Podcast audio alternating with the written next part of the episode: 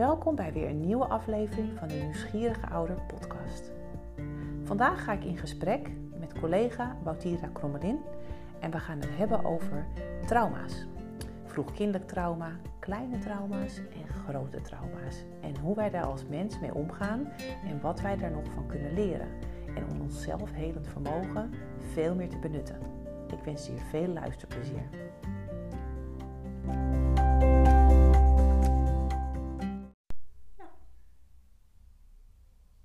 Ja, nummer 9 Nou, super. met Bautira. Krommelin. What's in the name? Ja, klopt. Nou, superleuk. Eh nummer 9. Heel de tijd heb ik niks opgenomen. En vandaag eindelijk weer eh, met jou eentje. Mhm. Ehm, zou jij jezelf voor willen stellen voor de mensen die het luisteren? Eh, nou ja, zoals je zei, mijn naam is eh Woutira Krommelin. Ik krijg natuurlijk mijn hele leven al heel veel vragen over waar die naam vandaan komt. Misschien ook een trauma. Ja. mijn eerste trauma, mijn naam. Ehm, ik ben ehm, eh, oorspronkelijk kom ik uit het eh, onderwijs. In het onderwijs eh, kwam ik tot de ontdekking dat ik eh, in het leven van kinderen eigenlijk wat anders wilde betekenen dan hun alleen maar iets te leren voor wat betreft cognitieve zaken.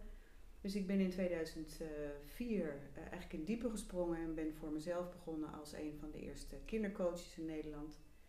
En kwam al snel tot de ontdekking dat het ja, eigenlijk heel leuk is om met kinderen op een laagdrempelige manier eh, problemen die ze hebben eh, weer, weer te laten eh, verdwijnen.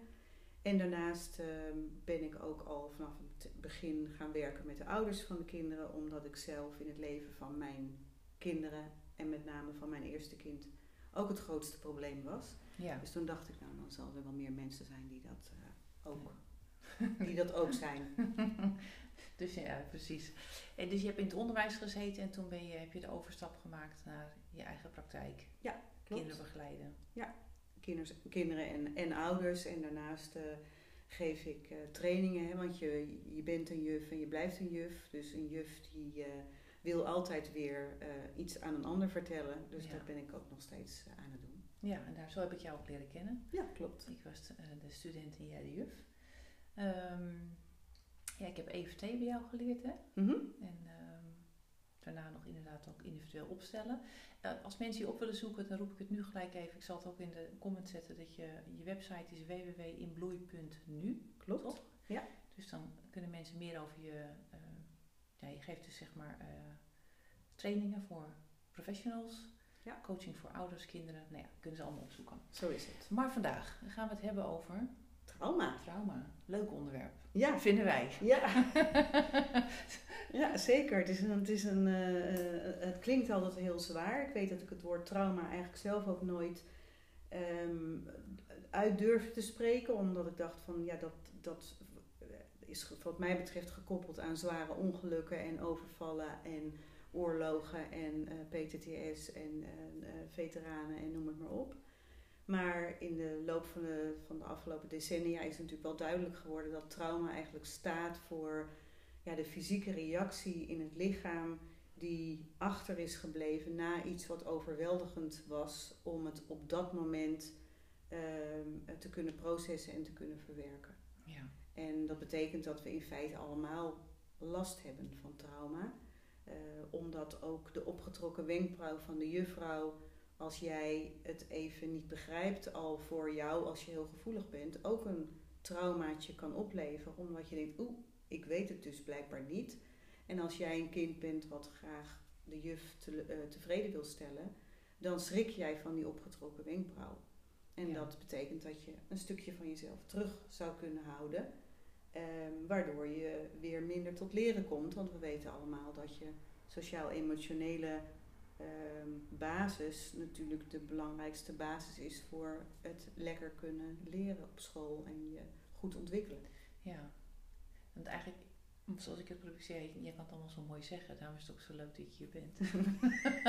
Hij kan het heel leuk zeggen, dat klopt. Ehm, ja, het is iets dat een onafgemaakte gebeurtenis of een, een ongeheelde wond of zo.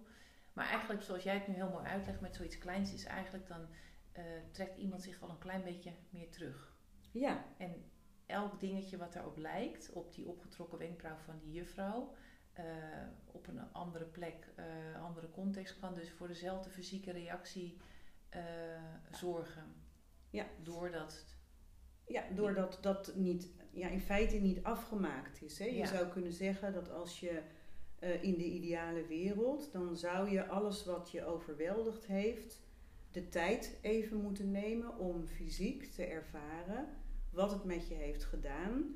En niet het verhaal wat er dan bij hoort van de juffrouw is stom en de juffrouw had dat niet mogen doen, aandacht geven. Maar juist de fysieke reactie die er altijd is. Hè, want er komt altijd een overlevingsreactie. Of je wordt boos, eh, je, je gaat vechten, Ja. of je gaat vluchten. Dus je trekt je terug. ehm, Of je eh, bevriest. Of je bevriest. Ja. En, en ehm, nou ja, een van die drie reacties die ontstaat. En op het moment dat jij als ouder of als leerkracht die momenten zou kunnen herkennen, dan zou je bij wijze van spreken het kind even kunnen aanraken en kunnen voelen van goh, voel eens even, ik zie dat je schrikt van mijn reactie. Voel maar eventjes in je lichaam wat er nu eigenlijk gebeurt. En dat klinkt allemaal eh, ook heel zweverig en ingewikkeld en moeilijk, want dan moet je de hele dag bezig zijn met vertel maar even, hoe voel je? En oh jee, en er is weer iets vreselijks gebeurd. Ehm, daar ben ik helemaal niet van, maar ik ben er wel van dat het fijn zou zijn als we zouden begrijpen waardoor overweldiging opgelost kan worden op het moment zelf dat het gebeurt. Ja. En dat in mijn ideale wereld zouden hele eh, jonge ouders dat al leren. Dat je al leert om een kind te begeleiden daarin als die valt, als die huilt. Ehm, dat je hem even zijn lichaam laat aanraken en laat voelen van nou voel maar eens wat gebeurt er nu eigenlijk in je lichaam. Want dan maak je de cirkel van eh, overweldiging en van ehm, ehm, eh, ja, trauma eigenlijk, die, die rond je weer af en dan ben je weer vrij. Ja. Dan heb je dus niet dat stukje terugtrekken, eh, wat jij net ook aangaf. Ehm, dat, dat hoeft dan niet plaats te vinden. Dus je kunt je hele zelf blijven. ja. Ook weer zo'n zweverig.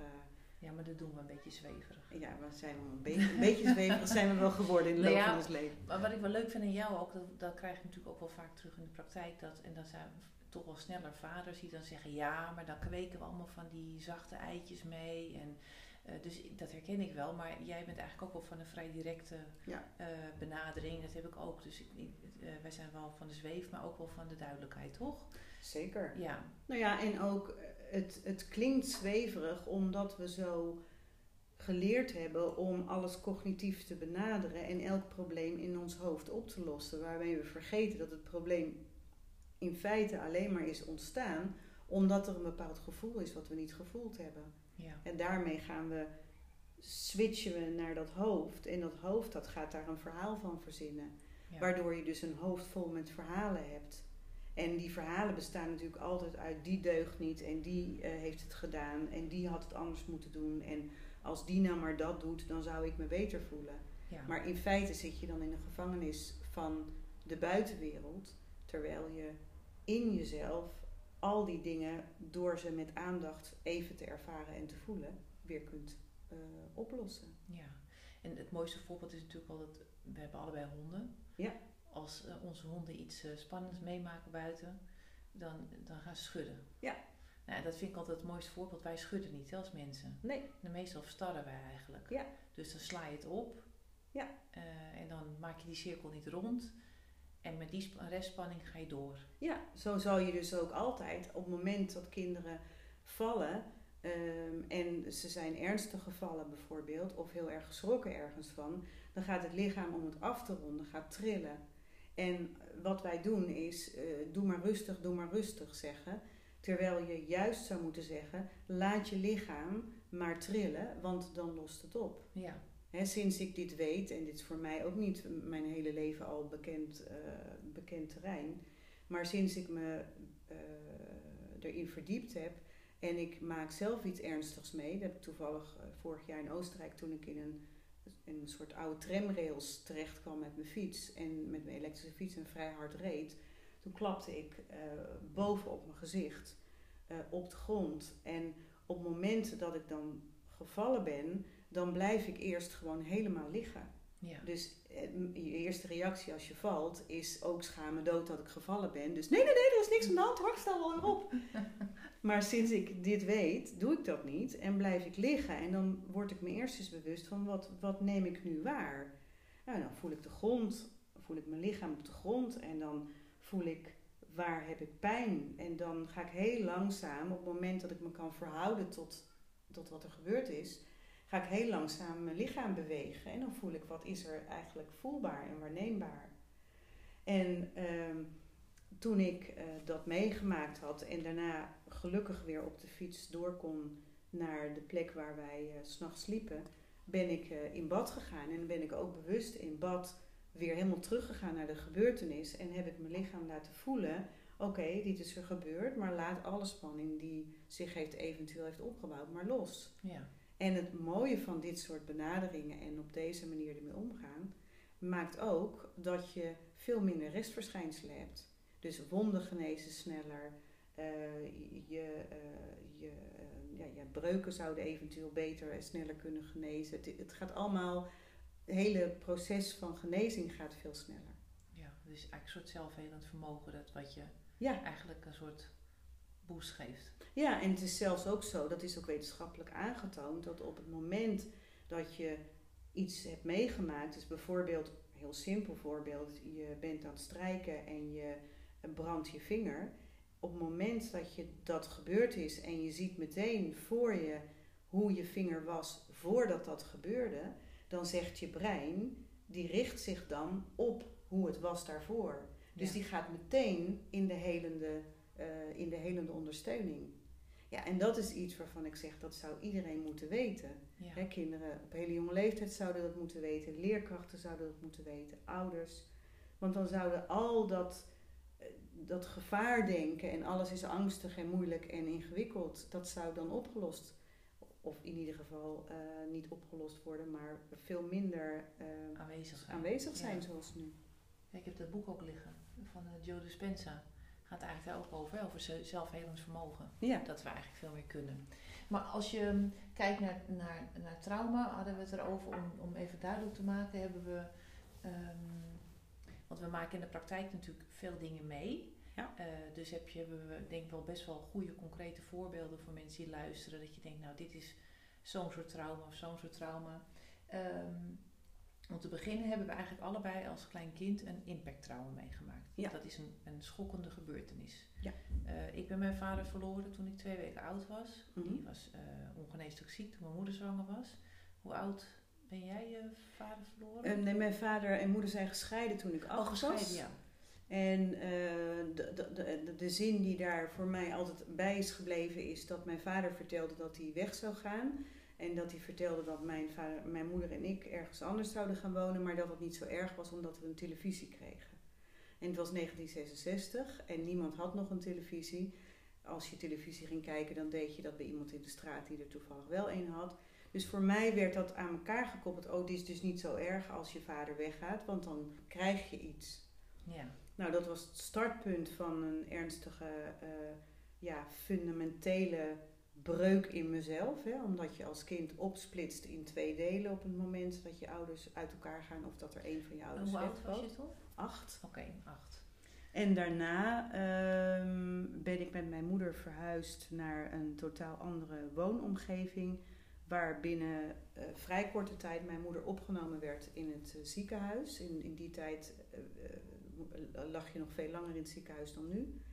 En mijn moeder werd geopereerd aan haar heup. En dat heeft zes weken geduurd. Want je lag, moet je voorstellen, zes weken in het ziekenhuis.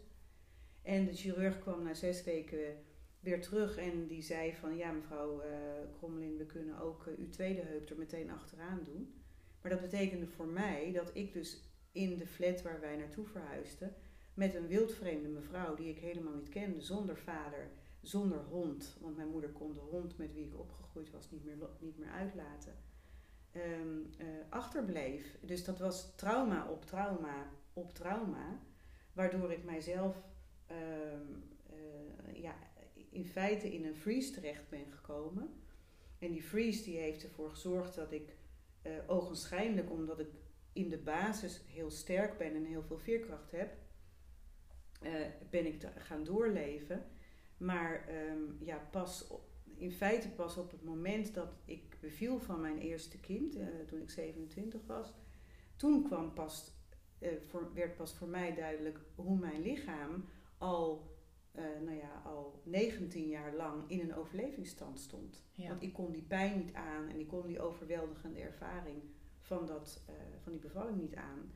En ja, dat werd duidelijk dat mijn lichaam in een totale freeze was gaan staan na die scheiding. Ja, dus eigenlijk zeg je, nee, we hebben een, een, een impacttrauma, dus iets wat je meemaakt. Mhm. Maar eigenlijk gelijk het andere soort trauma wat er is, dat is een procestrauma. Dus dat er allerlei dingen gebeuren of dat er heel vaak iets, hè, of je wordt heel vaak tegen iemand gezegd, je, je bent er niets nut of je, je kan niks. Of, hè, dus dat, Mhm.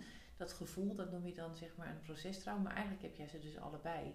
Want jij Ja. hebt een, het is een, een impact, een, een, een Ja. gebeurtenis geweest. Maar daarna zijn een heleboel dingen gevolgd die zeg maar dat...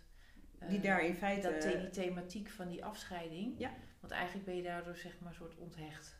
Ja, eh, en, en heb, je, eh, heb ik me geleerd om op niemand te verlaten. Hè? Omdat je maakt maar geen verbinding. Want op het moment dat je verbinding maakt, kan iemand weer, weer bij je vertrekken. Ja. Dus dat is ook een thema gebleven in, in, in vriendschappen. In, ik ben veel verhuisd, dus dan ging ik ergens wonen. En dan maakte ik meteen heel veel vrienden, want daar ben ik goed in. Maar vervolgens eh dumpte ik ze net zo hard op het moment dat ik weer ging verhuizen. Want ik had er geen echte verbinding mee. Terwijl mensen dat wel, wel vanuit hun kant wel voelden. ja. En naarmate dat natuurlijk langer duurde, ehm, merkte ik steeds meer van, ja, dit wil ik helemaal niet. Ik, ik wil me kunnen verbinden met anderen. En dan ja, ga je zelf in therapie en dan ga je zelf weer leren hoe je op een veilige manier je wel kan verbinden. En ook hoe je verlaten worden aan kan. Want in feite kan je dat best aan. Maar je moet wel handvatten krijgen om überhaupt te voelen wat er eigenlijk gebeurt op het moment dat iemand je verlaat. ja, want jij zou dus eigenlijk een kind zijn. Hè? Stel dat nu denk ik dat mensen iets sneller de drempel vinden naar eh, jeugdhulp. Mhm. In vergelijking met het vroeger klopt Ja. dat? Ja, zeker. De- eigenlijk zou jij het type kind zijn die zegt, nou, is ongelooflijk, ze gaat er zo goed mee om en eh, ze doet alles. En eh, nee, het lijkt eigenlijk best wel, Ja. ze blijft wel goed. Hè, dat is vaak, dat vind ik ook wel als, als leerkrachten zeggen van, oh, daar wil ik wel een team van in de klas hebben. Dan denk Ja. ik eigenlijk altijd tegelijk als hulpverlener, nou, dat is wel een hele erge aanpasser. Ja. Dus dat wens je eigenlijk niemand. Maar dus hoe, hoe zag dat eruit? Hoe zag jou, hoe, eh, voor de mensen zeg maar, die er niet zo in thuis zijn, hoe eh, manifesteerde zich dat in jou? Zeg maar? wat, wat was je gedrag als je terugkeek? Nou, mijn gedrag was eh, eh, aanpassen, ehm, eh, heel, er, er altijd, niet, niemand tot last zijn, hard werken. Ik was intelligent, dus ik, ik, ik kon heel goed leren, dus, dus ik was ook een van de beste van de klas altijd. Ehm, eh, ja, niet lastig zijn, eh, goed opletten of het mijn moeder kon helpen, want mijn moeder was natuurlijk wat hulpbehoevend door die heupen. Die was alleen. Ehm, die moest opeens werken terwijl zij nog nooit gewerkt had. Dus die, ja, ik moest zorgen dat ik mezelf redde. Dus ik ben enorm jong zelfredzaam geworden. Ben bijvoorbeeld op mijn vijftiende ook, eh, omdat ik zag dat mijn moeder niet kon koken, ehm, heb ik gezegd: geef mij maar de portemonnee. Eh, stop daar maar elke, elke week eh, een bedrag in. En dan zorg ik dat er elke dag boodschap gedaan wordt en dat er gekookt wordt. Nou, nu zou ik tegen ouders zeggen die mij dat vertelden: van wil je daar alsjeblieft onmiddellijk mee ophouden? Ja, Want in feite geef je als ouder het signaal: jij moet voor mij zorgen in plaats van ik voor jou. ja, En dus ik had ook heel lastig kunnen worden. Eh, dan was er misschien hulp gekomen. Eh, maar ik werd dat braafste meisje van de klas. Waarvan we, zoals jij dat nu ook net zegt, eh, nu weten van dan moeten alle bellen gaan rinkelen. Als we het verhaal horen wat een kind heeft meegemaakt. ja, Hè, er kunnen brave meisjes zijn die gewoon ja, niks hebben meegemaakt en die gewoon braaf zijn. Maar brave meisjes die wat meegemaakt hebben, daar moet je eigenlijk heel veel aandacht aan besteden. ja, ze zeggen ook dat naast de drie eh, standaard reacties zeg maar, op, gebe- op, op een gebeurtenis, dus vechten, vluchten, bevriezen, dat o- over het langere termijn dat eigenlijk pleasen zeg maar, de vierde overlevingsreactie is eigenlijk. Ja, omdat je natuurlijk doodsbang bent dat je er buiten valt. Ja, en dat is natuurlijk niet een soort Ja. schokreactie, pleasen, maar het is wel een soort eh, overlevingsreactie over de hele lijn heen. Ja, dat, is, dat snijdt enorm, eh, enorm hout. Want ik heb bijvoorbeeld ook, om dus dat, dat, dat gevoel wat ik natuurlijk nooit kwijt kon en waar ehm, niemand ook ooit op, op gelet heeft of het eigenlijk wel goed met mij ging, eh, ben ik in de puberteit, eh, heb ik zoals dat nu, eh, zou dat nu anorexia zijn. Maar omdat in die tijd anorexia geen naam had, het bestond natuurlijk wel, maar niet in de zin zoals het nu aandacht heeft. Ik lette altijd op mijn gewicht. Ik was toen 44 kilo eh, en ik vond mezelf dik. Ik weet echt dat ik voor de spiegel stond en dacht, ja, ik ben toch gewoon dik. Maar mijn, de, mijn redding is denk ik geweest dat er in die tijd niet heel veel over gesproken werd. Mijn moeder het ook niet als een probleem zag. Waardoor ik het me er zelf uiteindelijk aan ontworsteld heb. Ehm, maar het is natuurlijk wel degelijk een teken ge- geweest of een manier geweest om mijn diepe gevoel van eenzaamheid en afgescheidenheid ehm, daar controle over te krijgen. Ja. Met die boekjes met eh, calorieën. Ik, ik weet nog steeds dat een boterham, een bruine boterham 80, 80 calorieën is. Zo'n puntenteller ben Ja, jij. dat was Doet mijn moeder ook altijd met de Weight Watchers. Ja. Alles al punten. Ja. Ja. Ja. Ja. Dus eigenlijk, jij was acht. Eh, Ik heb, eh, zeg maar, en dat is natuurlijk bij jou terughalend. Nee, op dat moment heb je er niks aan gehad. Ehm, maar als je, eh, bijvoorbeeld, ik was een babytje. Hè? Nou is bij mij niet een geboortetrauma, maar meer het overlijden van mijn vader. Ja. Maar als kinderen, zeg maar, want eigenlijk noemen we het gewoon vroeg kinderlijk trauma. Hè? Dat is Ja. waar we het dan vandaag over hebben. Waar ouders die denken, nou, er is bij ons iets gebeurd. Heeft dat nou impact op mijn kind of niet? Ja. Nou, dan weet je inmiddels dat pleasen en heel erg aanpassen eigenlijk ook een hartstikke overlevingsmechanisme is. Ja. Ehm, je kan natuurlijk heel erg dwars worden als kind. Mhm. Dat is mijn eh, manier geworden eigenlijk. Hè. Ja. Mijn moeder heeft heel veel verdriet gehad van het overlijden van mijn vader. Moest het helemaal alleen doen. Ehm, met mijn zus van drie, ik als babytje, terug verhuizen van Den Helder naar Haarlem. Mhm. We hadden een keukenzaak in Haarlem, of in Den Helder, dus die werd verkocht. Nou, toen kwamen we in, eh, in Haarlem in Schalkwijk, hadden we zo'n doorzonwoning en eh, mijn moeder ging eh, werken. Mijn opa en oma hebben veel op me gepast. Ik was eigenlijk altijd ja, wel vrolijk kind, maar op hoe ouder ik werd, zeg maar, werd ik steeds tegendraadser. Dus ik was niet de aangepaste, maar ik ging in mijn jeugd eigenlijk heel erg, ben ook weggelopen van huis in mijn tienertijd. En, Ja. en ik weet wel, achteraf nu gezien, dat heel veel mensen zeiden van... ja, ik was niet een lieve dochter, eh, was dat kind wat zo vervelend was. eh, en achteraf denk ik wel van ja, ook niet heel gek zeg maar, dat Nee. je op een gegeven moment zo... eh, ja, dat het zo loopt als het loopt, zeg maar. Ongestold, weet je, gestold verlangen, wat, wat, wat Ja. alle kanten op gaat. En natuurlijk ook omdat je, dat vind ik altijd zo, zo, zo indrukwekkend van wat jij, situaties waarin jij dat hebt meegemaakt, is dat je, je moet je voorstellen, je bent twee weken, je bent net in die, in die enorme grote buitenwereld en opeens valt er een hele stroom weg. Maar eigenlijk valt de stroom die er nog overgebleven is van je moeder ook weg. Ja. Omdat het verdriet zo groot was dat er geen, ja, geen beschikbaarheid voor jou was. En dan trek je als ki- klein kind energetisch natuurlijk onmiddellijk de conclusie: ik moet het zelf doen. Ja. En dan wil je wel gesteund worden, maar die is er niet, die steun. Ja, en dan moet je een manier vinden om dat de buitenwereld duidelijk te maken. En dat is dan bij jou opstandig gedrag geweest. Waarschijnlijk met een zus die heel erg eh, eh, eh, lief was.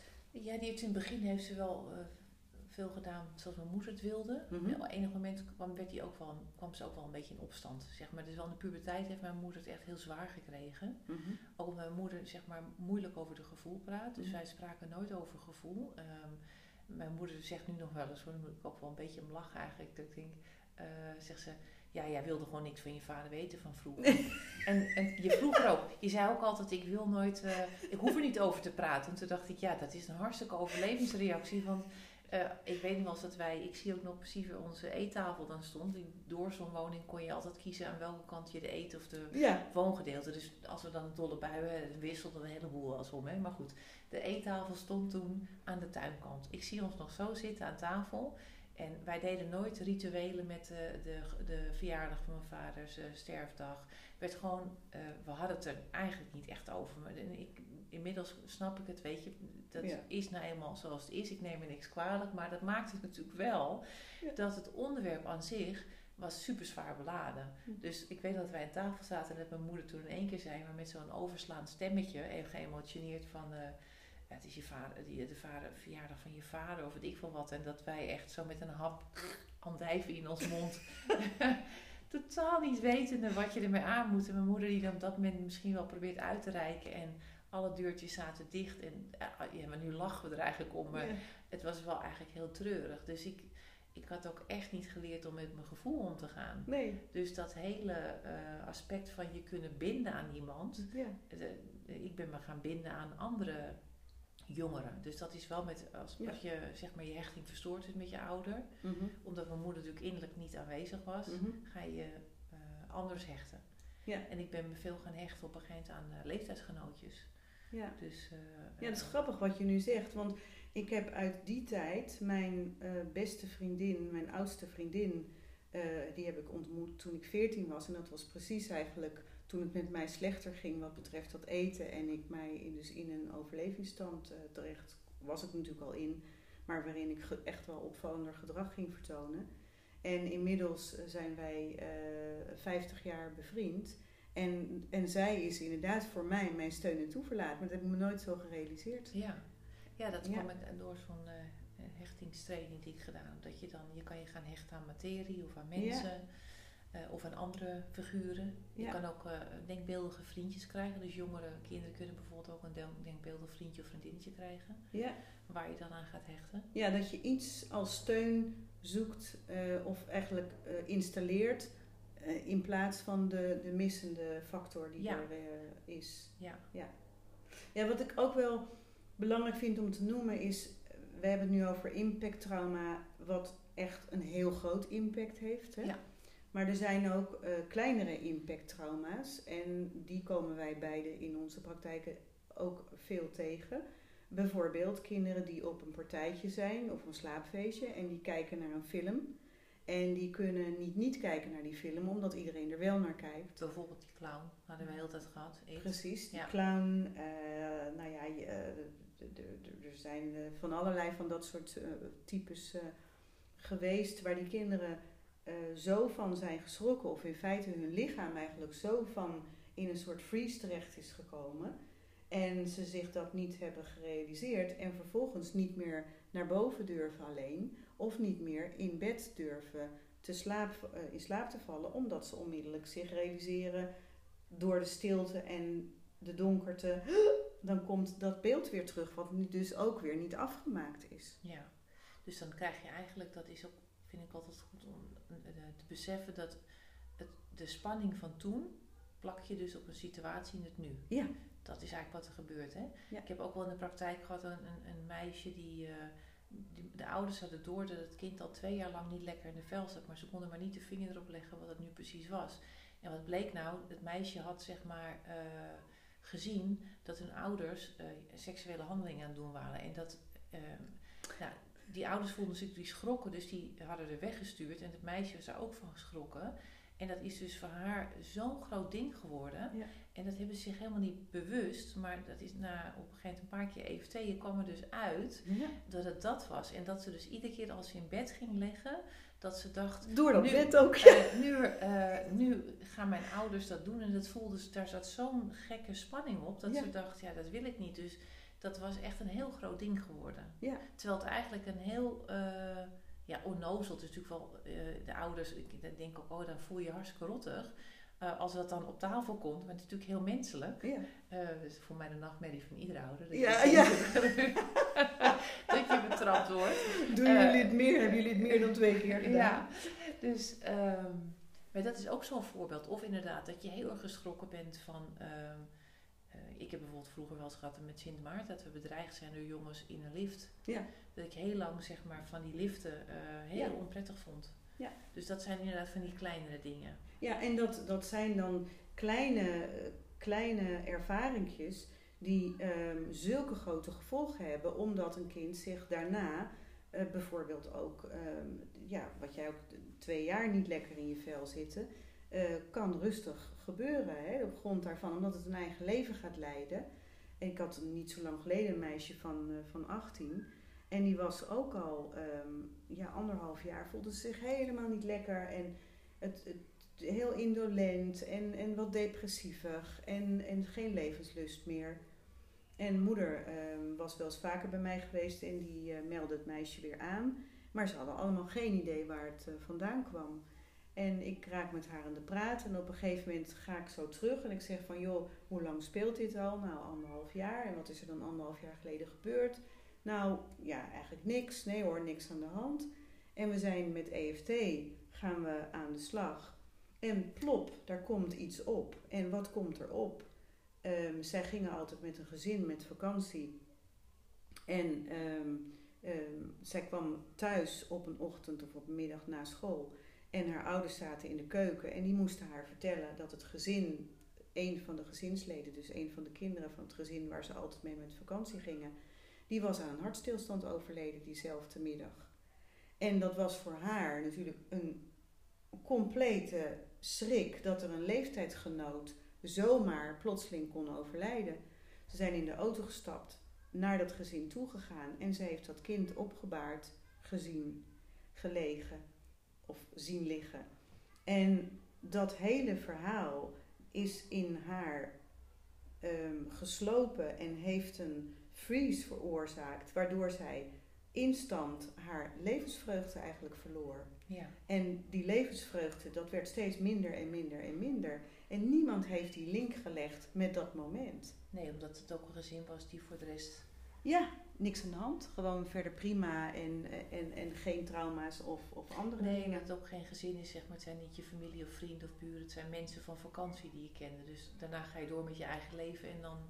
Ja, nou ja, het, was, het waren wel, wel goede vrienden waar ze elk jaar mee met vakantie gingen. Maar het, het feit, vooral het feit dat je dus plotseling dood kan gaan. En dat had in haar een soort post gevat, waardoor zij uh, niets meer durfde, omdat ze dacht: ja, het kan mij ook overkomen. Ja. En door dat dus aan te pakken, in dit geval werken wij, hè, ik werk veel met EFT en met EMDR en nee, EFT. nou eigenlijk meer met EFT hoor. Ja. Om even, het heet Emotional Freedom Techniek. Ja. In Amerika noemen ze het ook wel tapping. Klopt. Ja, Eh, klopt. Ja, het Tapping, klopt. klopt. We kloppen dan inderdaad. Ehm, nou, daar komen we straks wel meer over terug. Maar dat mensen denken, wat roepen ze nou EFT? Maar. EFT is dus een, een, een vorm van een techniek Ja. om eh, je te be- bevrijden van ongewenste emoties of blokkades. Hè? Om het heel Ja. simpel te zeggen. Ja, eigenlijk zeg ik altijd om dus die oorspronkelijke ervaring, die dan toen niet afgemaakt is, om die alsnog weer af te maken. En dat is een heel eh, ja, ingewikkelde, eh, of eigenlijk is het niet meer ingewikkeld, omdat er veel wetenschappelijk onderzoek nu gedaan is naar hoe het werkt. En in feite eh, eh, ja, kan je zeggen dat het werkt, dat het brein overvraagd wordt door iets wat het brein helemaal niet goed kan plaatsen, niet kan begrijpen. Bij EFT is dat het kloppen op de verschillende punten op het gezicht of op het lichaam. Ja. Waardoor het brein eh, bezig is met, hè, maar je zit te denken aan iets vervelends en tegelijkertijd ben je iets aan het doen wat ik helemaal niet kan plaatsen. Ja. Dan overvraag je het brein en doordat je het overvraagt, wordt de oorspronkelijke ehm, ervaring die niet afgemaakt is, in feite alsnog versneld afgemaakt, omdat je aan die situatie aan het denken bent, of het lichaam in die staat zet. En daardoor eh, wordt de her- herinnering eh, afgemaakt naar een andere plek in het, in het brein verplaatst, Ja. waardoor die dus niet meer die fysieke reactie heeft. ja, dus eigenlijk waar de vries was, daar ga je mee verder en dan rond je het eigenlijk af, zodat het een, een ronde cirkel wordt en gewoon een hele nare ervaring die achter je ligt. Ja, dus als zij bijvoorbeeld, dat voorbeeld wat ik net aangaf van dat meisje met die vrienden, eh, als zij dus nu aan dat, aan, die, aan dat vriendje denkt, dan kan ze er gewoon aan denken zonder dat haar lichaam in een totale paniekstand schiet. Ja, dus dan heb je het losgekoppeld. Je hebt het losgekoppeld van Ja. elkaar, van de fysieke reactie. Ja, ik heb ook één jongetje, die heb ik uiteindelijk niet met EFT, maar wij werken ook wel soms met hypnose. Daar, daar heb ik, eh, dat noemen we de bioscoop, naar die Ja. fastfobia gedaan. Maar die was dus op vakantie in eh, Frankrijk. Ehm, en daar waren ze in een soort berghut en het was heel slecht weer, Mhm. onweer. En toen ging het zo hard onweer dat het, de stroom ook even uitviel. Mhm. Eh, en zijn moeder zat op dat moment op het toilet, weet hij nog heel goed. En dat heeft zoveel impact op hem gemaakt. Ja. En die ouders hebben daar eigenlijk geen notie van gehad. Want het was natuurlijk ook een beetje lachen, eh, spannend met z'n allen. Eh, maar hij heeft dus gewoon op het schoolplein... wilde hij ook niet meer buiten spelen als het bewolkt was. Hij Nee. wilde niet meer... Dus er waren allerlei dingen waardoor hij bang was geworden voor het weer. En de ouders hadden niet door dat dat zeg maar... ooit begonnen is bij die, Nee. die vakantie in Frankrijk. En inderdaad met EFT of met die, in dit geval hebben we hypnose ingezet, was ook binnen één sessie eh, speelt het kind gewoon weer buiten. Hè? Dus Ja. dat is ook het mooie ervan dat, eh, dat als je weet dat zoiets zoveel impact kan hebben, dat je het ook eh, zo Ja. eigenlijk zo snel, vooral bij kinderen, zo snel weer eh, los kan koppelen. Ja, en het is natuurlijk, jij beschrijft nu een situatie waarvan je ook dan erachter bent waar het begonnen is. Hè? Ja, En dat is dan met, met hypnose eh, ja, perfect om daar dan direct op in te gaan. Met EFT is het voordeel dat als je dat niet weet waar het vandaan komt, dat je ergens kunt beginnen. In feite met het gevoel wat iemand op het moment zelf heeft. En dan wordt het langzaam als het ware een soort afgepeld. ja, En dan plopt op wat er mogelijk mee te maken zou kunnen hebben. ja. En dan komt er dus opeens vaak iets naar boven waarvan iedereen dan op dat moment zegt: Oh ja, natuurlijk, ja. daar komt het vandaan. Dus het was verstopt. Ja. ja. Het is Dus verstopt en dat- afgedekt. Ja. ja, dat is het mooie van EFT eigenlijk. Ja, dat dat, dat, dat ehm, naar boven komt. En het kan ook zijn dat je het met EFT naar boven komt.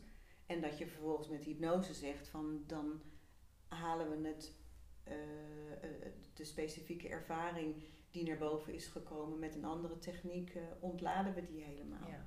Eigenlijk pleit ik ook, ik roep het ook heel vaak op de school. Ik ben betrokken bij school in Diemen. Eh, dat ik eigenlijk zat te trappelen om gewoon al die scholen ook te leren dat ze met EFT gaan werken. Ja. Gewoon sowieso voor standaard voor kinderen om eh, Ja. spanning voor een toets of eh, ja, gewoon überhaupt stress. Ja. Ehm, dat EFT zeg maar, het is elke keer weer is het is zo dat je denkt het kan bijna niet zo simpel zijn. Ja. dat daarmee opgelost kan worden. Nou ja, het is ook heel bijzonder dat je, ik zeg altijd van het moment dat je naar een hele fijne herinnering of een fijne ervaring in je leven gaat en je checkt hoe het dan in je lichaam is. Vanochtend had ik nog een moeder met wie ik aan het werk was. En die gaf ook aan van ja, als ik naar die fijne herinnering of ervaring ga, dan voel ik ruimte.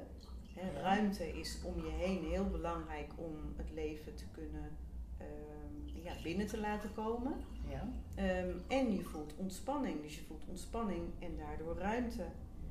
Maar op het moment dat je aan een probleem gaat denken, dan ontstaat er onmiddellijk spanning in het lichaam. Dus iemand kan meteen aangeven: Oh, nu krijg ik pijn in mijn buik. Ja. Of ik krijg pijn in mijn hart. Of in mijn middenrif wordt gespannen.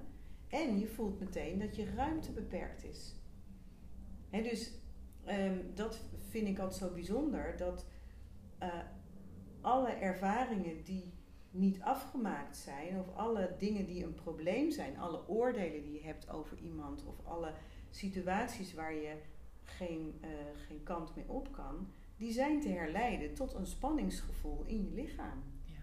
Daarom pleiten wij natuurlijk in ons vak zo enorm voor, als die trauma's dan opgelost zijn, om mensen daarna te leren zich te kunnen verhouden tot de spanning in hun lichaam. Want je lichaam vertelt in feite waar je staat. Ja. Ja. Eigenlijk hoop je dat het, nou daarom hoop ik ook met zo'n podcast zoals nu en als meerdere Ja. mensen erover praten, dat het gewoon duidelijker wordt dat we eigenlijk, want het, wat ik ondertussen dat je aan het vertellen bent, denk ik eigenlijk best wel zonde. Alle dingen die we meemaken vanaf het moment dat je geboren wordt, k- krijgen we als mens dingen, maken we dingen mee. Eh, en die dingen kunnen dus spannend zijn. En eigenlijk op van ieder moment dat er iets te spannend gebeurt, ben je eigenlijk al een stukje minder vrij. Ja, Dus je wordt eigenlijk gedurende de tijd Ja. word je steeds onvrijer eigenlijk.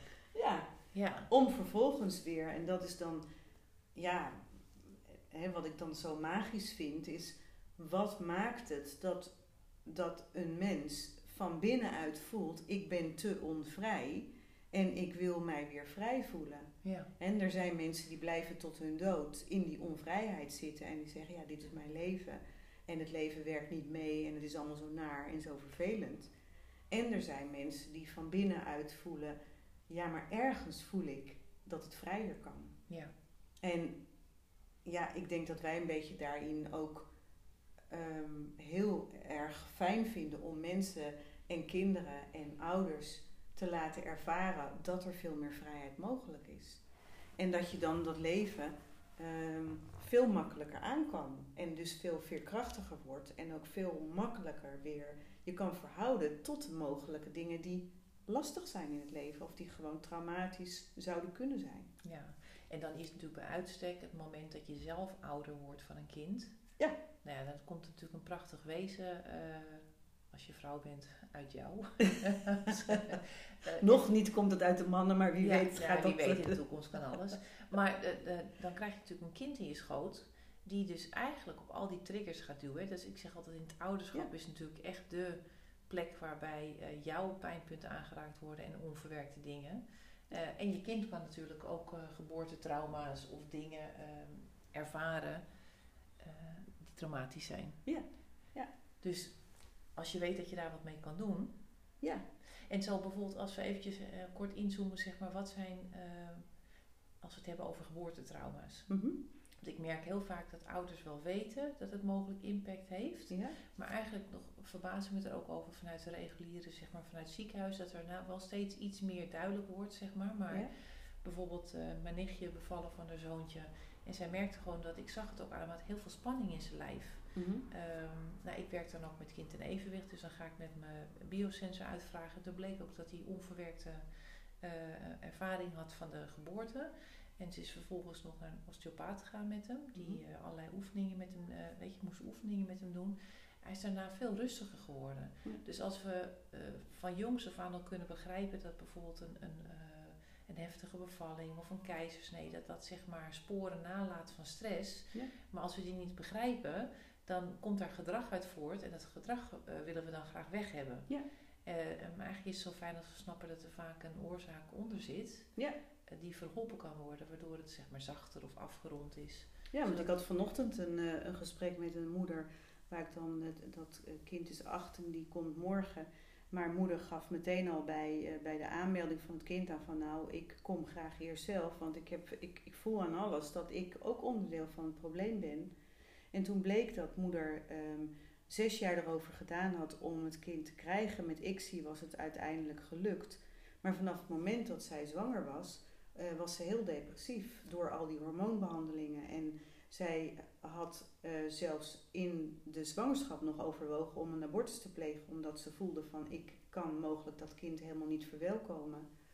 Toen was het kind met een spoedkeizersnee met 37 weken geboren. En vanaf het moment dat dat kind geboren was, keek ze naar en dacht ze van wat is dat? Wat moet ik daarmee? Ja. En dat gaf af, een afgrijzelijk gevoel. En zij was bij uitstek de persoon waarvan iedereen altijd zei: Oh, nou als jij kinderen krijgt, jij bent zo leuk met kinderen, jij bent de ideale moeder. En vanaf scratch voelde zij: ik, Dat ben ik helemaal niet, want ik zou liever mijn kind eigenlijk helemaal niet hebben. Daarbij zei ze: Ik voelde meteen vanaf het begin: mijn leven wordt ingeleverd. Ik moet nu ten dienste staan van het kind. En ze voelde dat ze dat niet kon. Nou, wij durven dan wel te zeggen, hè, dat het is een beetje aanmatigend, maar we zien toch wel in de praktijk dat het vaak zo, zo gaat, dat een kind daarop op reageert door heel veel te huilen. Ja. Dat deed dit kind ook. Wat gebeurde er? Ze gaat naar het consultatiebureau. En het consultatiebureau zegt, omdat ze haar uitputting ook wel zagen, ehm, eh, nou laat maar huilen, want als je het laat huilen, dan kom, kan jij in ieder geval, dan had ze slaappillen gekregen en dan kon ze, zij dan slapen en dan kon de vader kon dan s'nachts voor het kind zorgen. Ehm, met als gevolg dat het kind dus beter gehecht is aan de vader dan aan haar. Ja. Wat haar weer een enorm schuldgevoel geeft. En zij waren duidelijk in die afgelopen acht jaar in zo'n schuld-schaamtecirkel gekomen. Dat zij, ik hoefde maar naar haar te kijken en ik hoefde haar maar naar te wijzen. En ze begon al te huilen Ja. vanochtend. En ja, dan breekt mijn hart dat artsen en consultatiebureaus dus ehm, daar nog zo weinig van weten. Ehm, en dan dus niet meenemen wat daar mogelijk eh, ontstaan kan zijn en er ook geen antwoord op hebben. Nee. Dat is natuurlijk het punt. Wij hebben daar antwoorden op, zonder dat wij nou zo fantastisch zijn, maar gelukkig eh, werken wij met technieken waarmee wij wel een antwoord hebben op die onafgemaakte ervaringen. Ja, dus een, in dit geval bij de hechting, zeg maar, denk, ik noem het al een soort weeffouten. Dit zijn hele grove weeffouten waar je het over hebt. Want ik denk ook wel dat ik dat gehad heb met mijn moeder. Als kind uh, reik je innerlijk uit naar de ouder die je, uh, die je hebt. Ja. En als die niet thuis is, ja. en daar kon mijn moeder niks aan doen, dan kon deze vrouw ook niks aan doen. Dus er is geen um, schuld of er is Nee. geen fout, daar kun je niet van spreken. Alleen het is wel feitelijk zo dat een kind innerlijk voelt dat een moeder er niet is of een vader er niet is. Ja. Ik ben bijvoorbeeld niet omarmd door mijn vader. Die kon me niet meer vasthouden. Die was op weg naar de uitweg. Ja. Dus ik denk ergens diep van binnen Ja. is dat een soort. eh, ook heel jong ben ik eh, eh, geïnteresseerd geraakt in jongens. Denk ik was Ja. erg bezig. Dus dat zijn allemaal zo te herleiden van wat is het dan? Wat is die mannelijke liefde? Wat wil ik daarmee? Ja. Dus dat zijn allemaal acties die voortkomen, denk ik, uit op celniveau. Ik weet het natuurlijk niet meer, Ja. maar babytjes maken dingen mee. Ja. En dat, wat ze mee hebben gemaakt, het vertaalt zich toch nog steeds in gedrag. Nou ja, ster- sterker nog, ik denk ook eh, in mijn eigen situatie, en, en dat herken jij misschien ook wel, is dat ook in de relatie met je partner kan dat verward worden. Hè? Dat je de partner, je partner verward met je vader, dus Ja. met het stuk wat je niet hebt ontvangen. En dan een kinderlijke behoefte gaat voelen in naar je partner. Waar je partner vervolgens van zegt, maar daar ben ik niet beschikbaar voor. Waardoor jij je weer het kind voelt wat in de steek gelaten is. Wat je vervolgens weer projecteert op je partner. Ja, en dat vindt allemaal plaats, zeg maar, in dingetjes die natuurlijk niet... Hij zegt niet letterlijk, ik Nee. ben niet je vader. Maar het is natuurlijk meer dat jij iets van wens van je partner... of hij moet dingen op een bepaalde manier doen. Of Ja. je, en geeft niet genoeg aandacht. Of, Ja, of niet de juiste aandacht. Ja, erkenning. Je herkent mij niet. Nou, Ja. Die herken ik ook wel. Ja. Je ziet me niet voor wie ik ben. Ja, exact. nou ja, en dat, dat, dat- als je dat lijstje, eh, dat lijstje eh, opschrijft, dan kan je eh, één op één zeggen: als ik mijn partner doorstreep en ik zet mijn vader er neer, dan is dat precies waar het over ging. Ja. Hè, en, en dat, ja, ik- er is nog een ander voorbeeld. Mijn dochter is met, ehm, eh, van de tweede met 33 weken, nee, met eh 32 weken in de coronatijd in het ziekenhuis terechtgekomen. Omdat zij ehm, de placenta voor de uitgang lag, waardoor ze steeds bloedingen kreeg. En die heeft vijf weken in het ziekenhuis gelegen. Mocht geen bezoek hebben door corona. Haar eigen oudste kind mocht daar niet komen. Ze mocht niet bewegen. Haar vriend mocht dan eh, wel blijven slapen. Ehm, een paar keer in de week. Voor mij heeft dat betekend dat ik dacht... ik moet zorgen dat ik voor mijn oudste, kleinkind er de veilige factor nu ben. Dus ik heb mijn werk meteen gestopt en ik ben op haar gaan passen. Maar tegelijkertijd heb ik ook me gerealiseerd wat het ehm, voor mijn dochter betekende en voor het kindje wat in haar buik zat, dat dit gebeurd was. Dus ik heb met haar voor haar bestanden ingesproken waar zij tijdens de zwangerschap naar geluisterd heeft.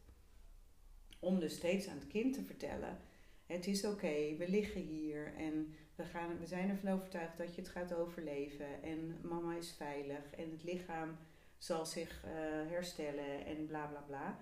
En mijn dochter geeft ook ehm, heel duidelijk aan, eh, vanaf het, dat we dat gedaan hebben daarna, van dat daardoor haar traumatische ervaring van dat ziekenhuis wel degelijk eh, positief beïnvloed Ja. is. Ik kan me ook nog herinneren, weet je nog dat je op een gegeven moment voor je kleinzoon dat hij, dat hij steeds wakker werd en dat hij dan zijn voeding weer eruit gooide. Ja, Dat we ook met het key-protocol, dat we er ook, dat kwamen Ja. op een tijdstip uit en dat was eigenlijk dat zij s'nachts, wat was het ook weer, dat ze s'nachts die Eh, bloedingen had. die bloedingen had. Ja. Dus dat ze zo, dus precies op dat tijdstip werd Ja. je ook altijd wakker. Ja. Ja. Ongelooflijk. Dus de spanning die jouw dochter voelde rond dat tijdstip altijd, Ja. dat is bij hem ook een soort tijdstip van spanning geworden, waardoor die. Ja. En dat is eigenlijk toch, heb je ook daarna los kunnen koppelen. Hè? Ja, precies. En ook door middel van reflexintegratie ehm, met hem, omdat op een gegeven moment ontwikkelde hij zich ehm, eh, toch wat, hij bleef wat achter.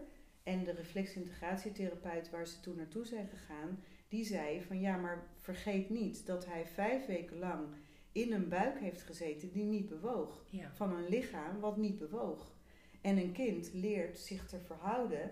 Hè, moeder moet bukken, moeder moet uh, schoonmaken, uh, de, noem het maar op. Je beweegt van alles.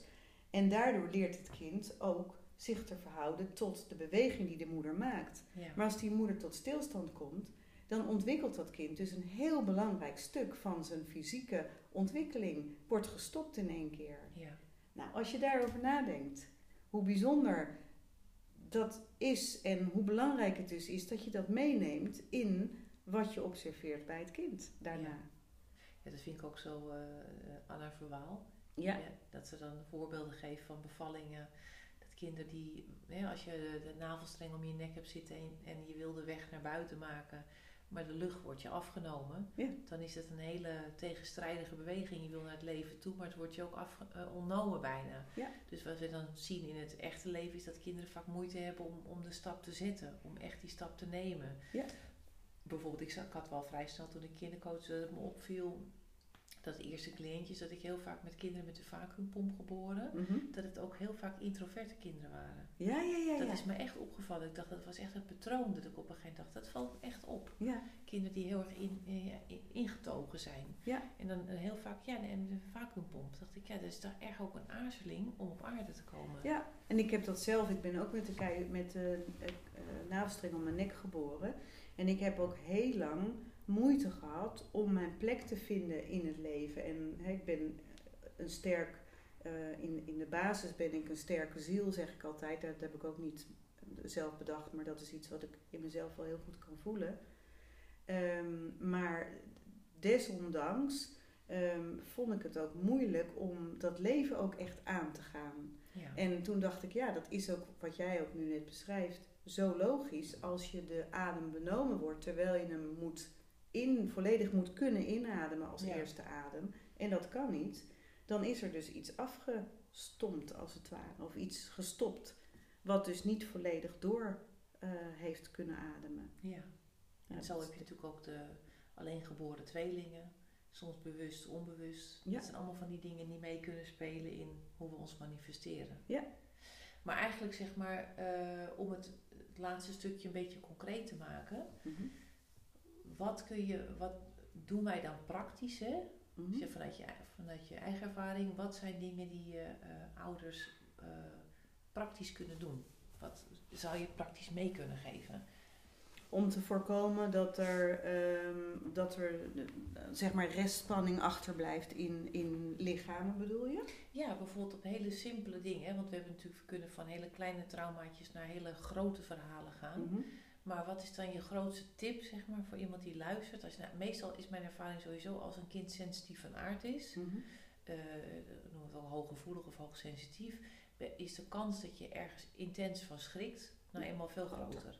Dus eh, de meeste kinderen die zeg maar rond de 8 of 9 jaar gaan hobbelen, dat het niet zo lekker gaat, zijn ook vaak de kinderen die sensitiever zijn, die moeite hebben met Ja. eh, doorgaan naar de volgende levensfase waarbij het leven wat echter en wat werkelijker en wat groter wordt. Mhm. Maar wat zou je dan, wat is jouw grootste tip? Je zei het net al bijvoorbeeld als een kind valt, Ja. eh, laat het rustig het helemaal doorvoelen. Ja. Wat zijn bijvoorbeeld nog meer dingen? Wat een, stel een ouder, er is iets gebeurd met een kind, een vervelende gebeurtenis op school of eh, je hebt een eh, eh, fietsongeluk gehad, maar het is goed afgelopen. Hoe zou je dat dan, wat zijn tips die jij mee zou kunnen geven, echt praktisch van waar doen ze goed aan? Nou ja, ehm, dat voelen, dat vind ik wel een van de allerbelangrijkste ehm, ehm, basisdingen. Dat op het moment dat er pijn is, dat je een kind meteen laat aangeven waar voel je dat en vervolgens de hand erop laat leggen en eigenlijk de pijn verwelkomt en zegt van het is prima dat je er bent pijn. Want als de pijn zich verwelkomd voelt, dan kan die ook weer losgelaten worden. Dus dat vind ik heel ehm, belangrijk. Ehm, belangrijk vind ik ook dat je een kind ehm, als volwaardig persoon ziet. En dat je de problemen die nou eenmaal bij het leven horen, ook altijd uitzendt dat je kind die aan kan.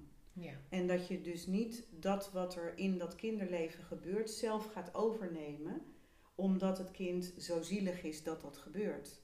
Dus op het moment dat een kind bijvoorbeeld een, een, een, ehm, een nare ervaring op school heeft gehad met een ander kind. En dat kun je op twee manieren benaderen. Je kan schrikken omdat je bijvoorbeeld zelf problemen op dat niveau hebt gehad. En dan zeggen de dag erna er weer op terugkomen en zeggen van en eh, hoe ging het vandaag met Pietje? Waardoor je dus in feite het kind de, het signaal geeft ehm, dat iets niet gewoon over kan gaan, maar dat het dus een begin is van een langduriger probleem, van een thema. Terwijl als je er niet meer over begint en je laat het kind en je vertrouwt erop dat dit gewoon een ervaring is die het kind aan kan. En kinderen weten dat zelf heel goed, want die spelen de volgende dag altijd gewoon weer met Pietje. Maar de ouders denken dan van, oh jee, is dat dan wel goed gegaan? Dus dat soort dingen, hè, van wat bij het kind hoort, laat, bij, laat dat ook bij het kind. En zie je kind als een volwaardig persoon die in staat is om met jouw hulp op de juiste momenten dat wat hem is overkomen ook te processen. Zodat je het kind gewoon in zijn kracht eigenlijk voortdurend ziet. Hè? En dat wat het, ja, de dingen die jou raken, die je ziet door het gedrag van het kind, die jou raken, daar moet je zelf mee aan de slag. Ja. Want die gaan over jou. Ja. En die gaan nooit over het kind. Nee, dat zijn eigenlijk, we hebben het nu vandaag ook echt gehouden bij uh, wat er bij een kind mogelijk kan gebeuren en wat het dan voor uitwerking heeft.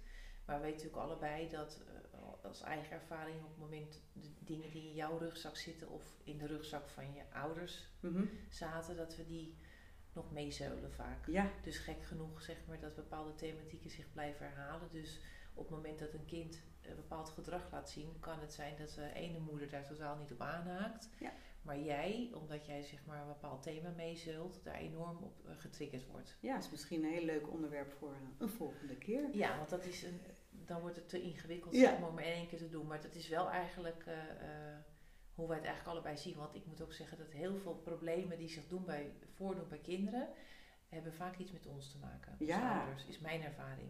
Eigenlijk eh, durf ik wel te zeggen, bijna alles. Uh, bijna alles. In ja, 99% van de gevallen. En ik, ik moet je zeggen, toen ik mij dat besefte, uh, 15, 20 jaar geleden, toen vond ik dat het grootste cadeau, maar ook het irritantste cadeau. Want ik dacht, oh, dan moet ik er, dan moet ik er dus altijd zelf wat mee als ik ergens wat van vind. Ja.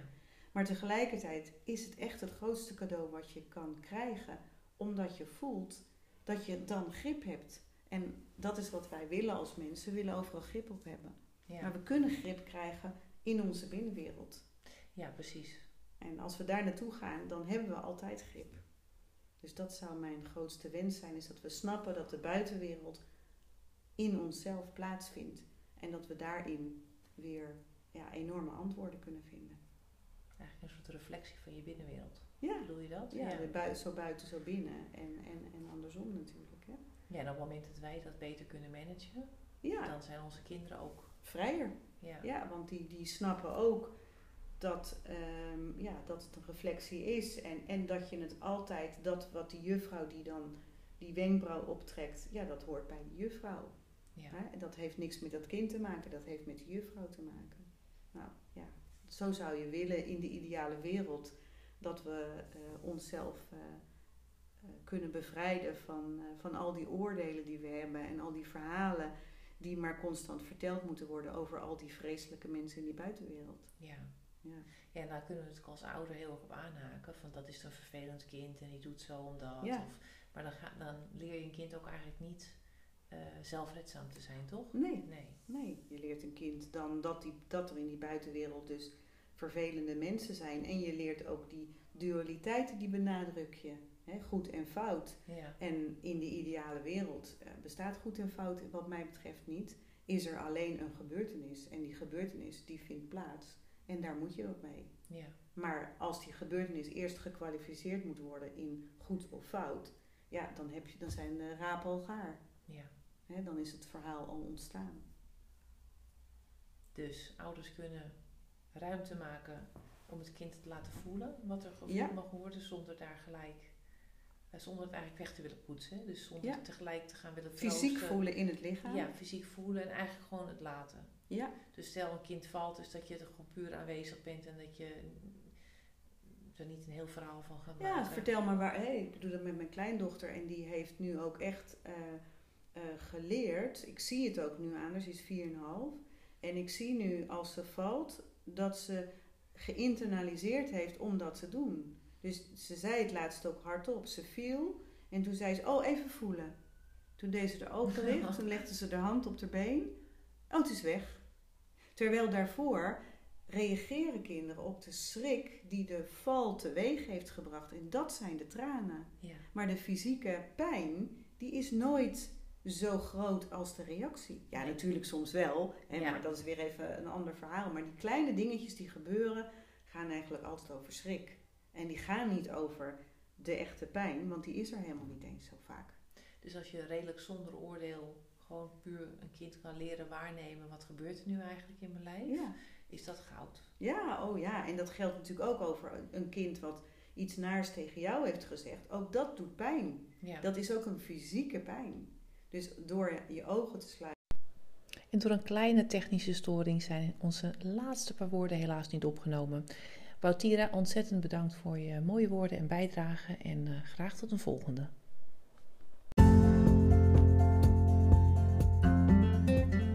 Bedankt weer voor het luisteren. Vond je deze podcast interessant? Deel hem dan vooral. En vond je de podcast überhaupt leuk? Dan help je me enorm door een waardering te geven in de app die je luistert. Bedankt en tot de volgende keer.